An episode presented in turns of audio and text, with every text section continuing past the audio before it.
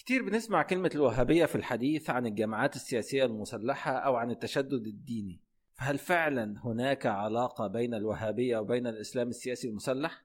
هيجاوبنا على السؤال ده الباحث الإسلامي الأستاذ هاني عمارة. الوهابية هي حركة دينية إيه، كانت معنية بالأساس بقضايا دينية اعتقادية وسلوكية خصوصا القضايا المتعلقة بالتصوف. يعني إنكار بعض الأمور اللي هي ارتبطت بالتصوف زي بناء القبور المساجد على القبور طيب تفتكر منين جاي الخلط ده؟ يعني ليه كل حركة متشددة بتنسب إلى الوهابية؟ أعتقد في جزء منه يعني متعلق طبعا بمسألة القاعدة لأن العرب كانوا هم المسيطرين على القاعدة وكلهم كانوا جايين من دول الخليج اللي هم الجناح المتنفس فيها إنما آه، حتى القاعدة نفسهم آه، ما يتصنفوش حركة وهابية يعني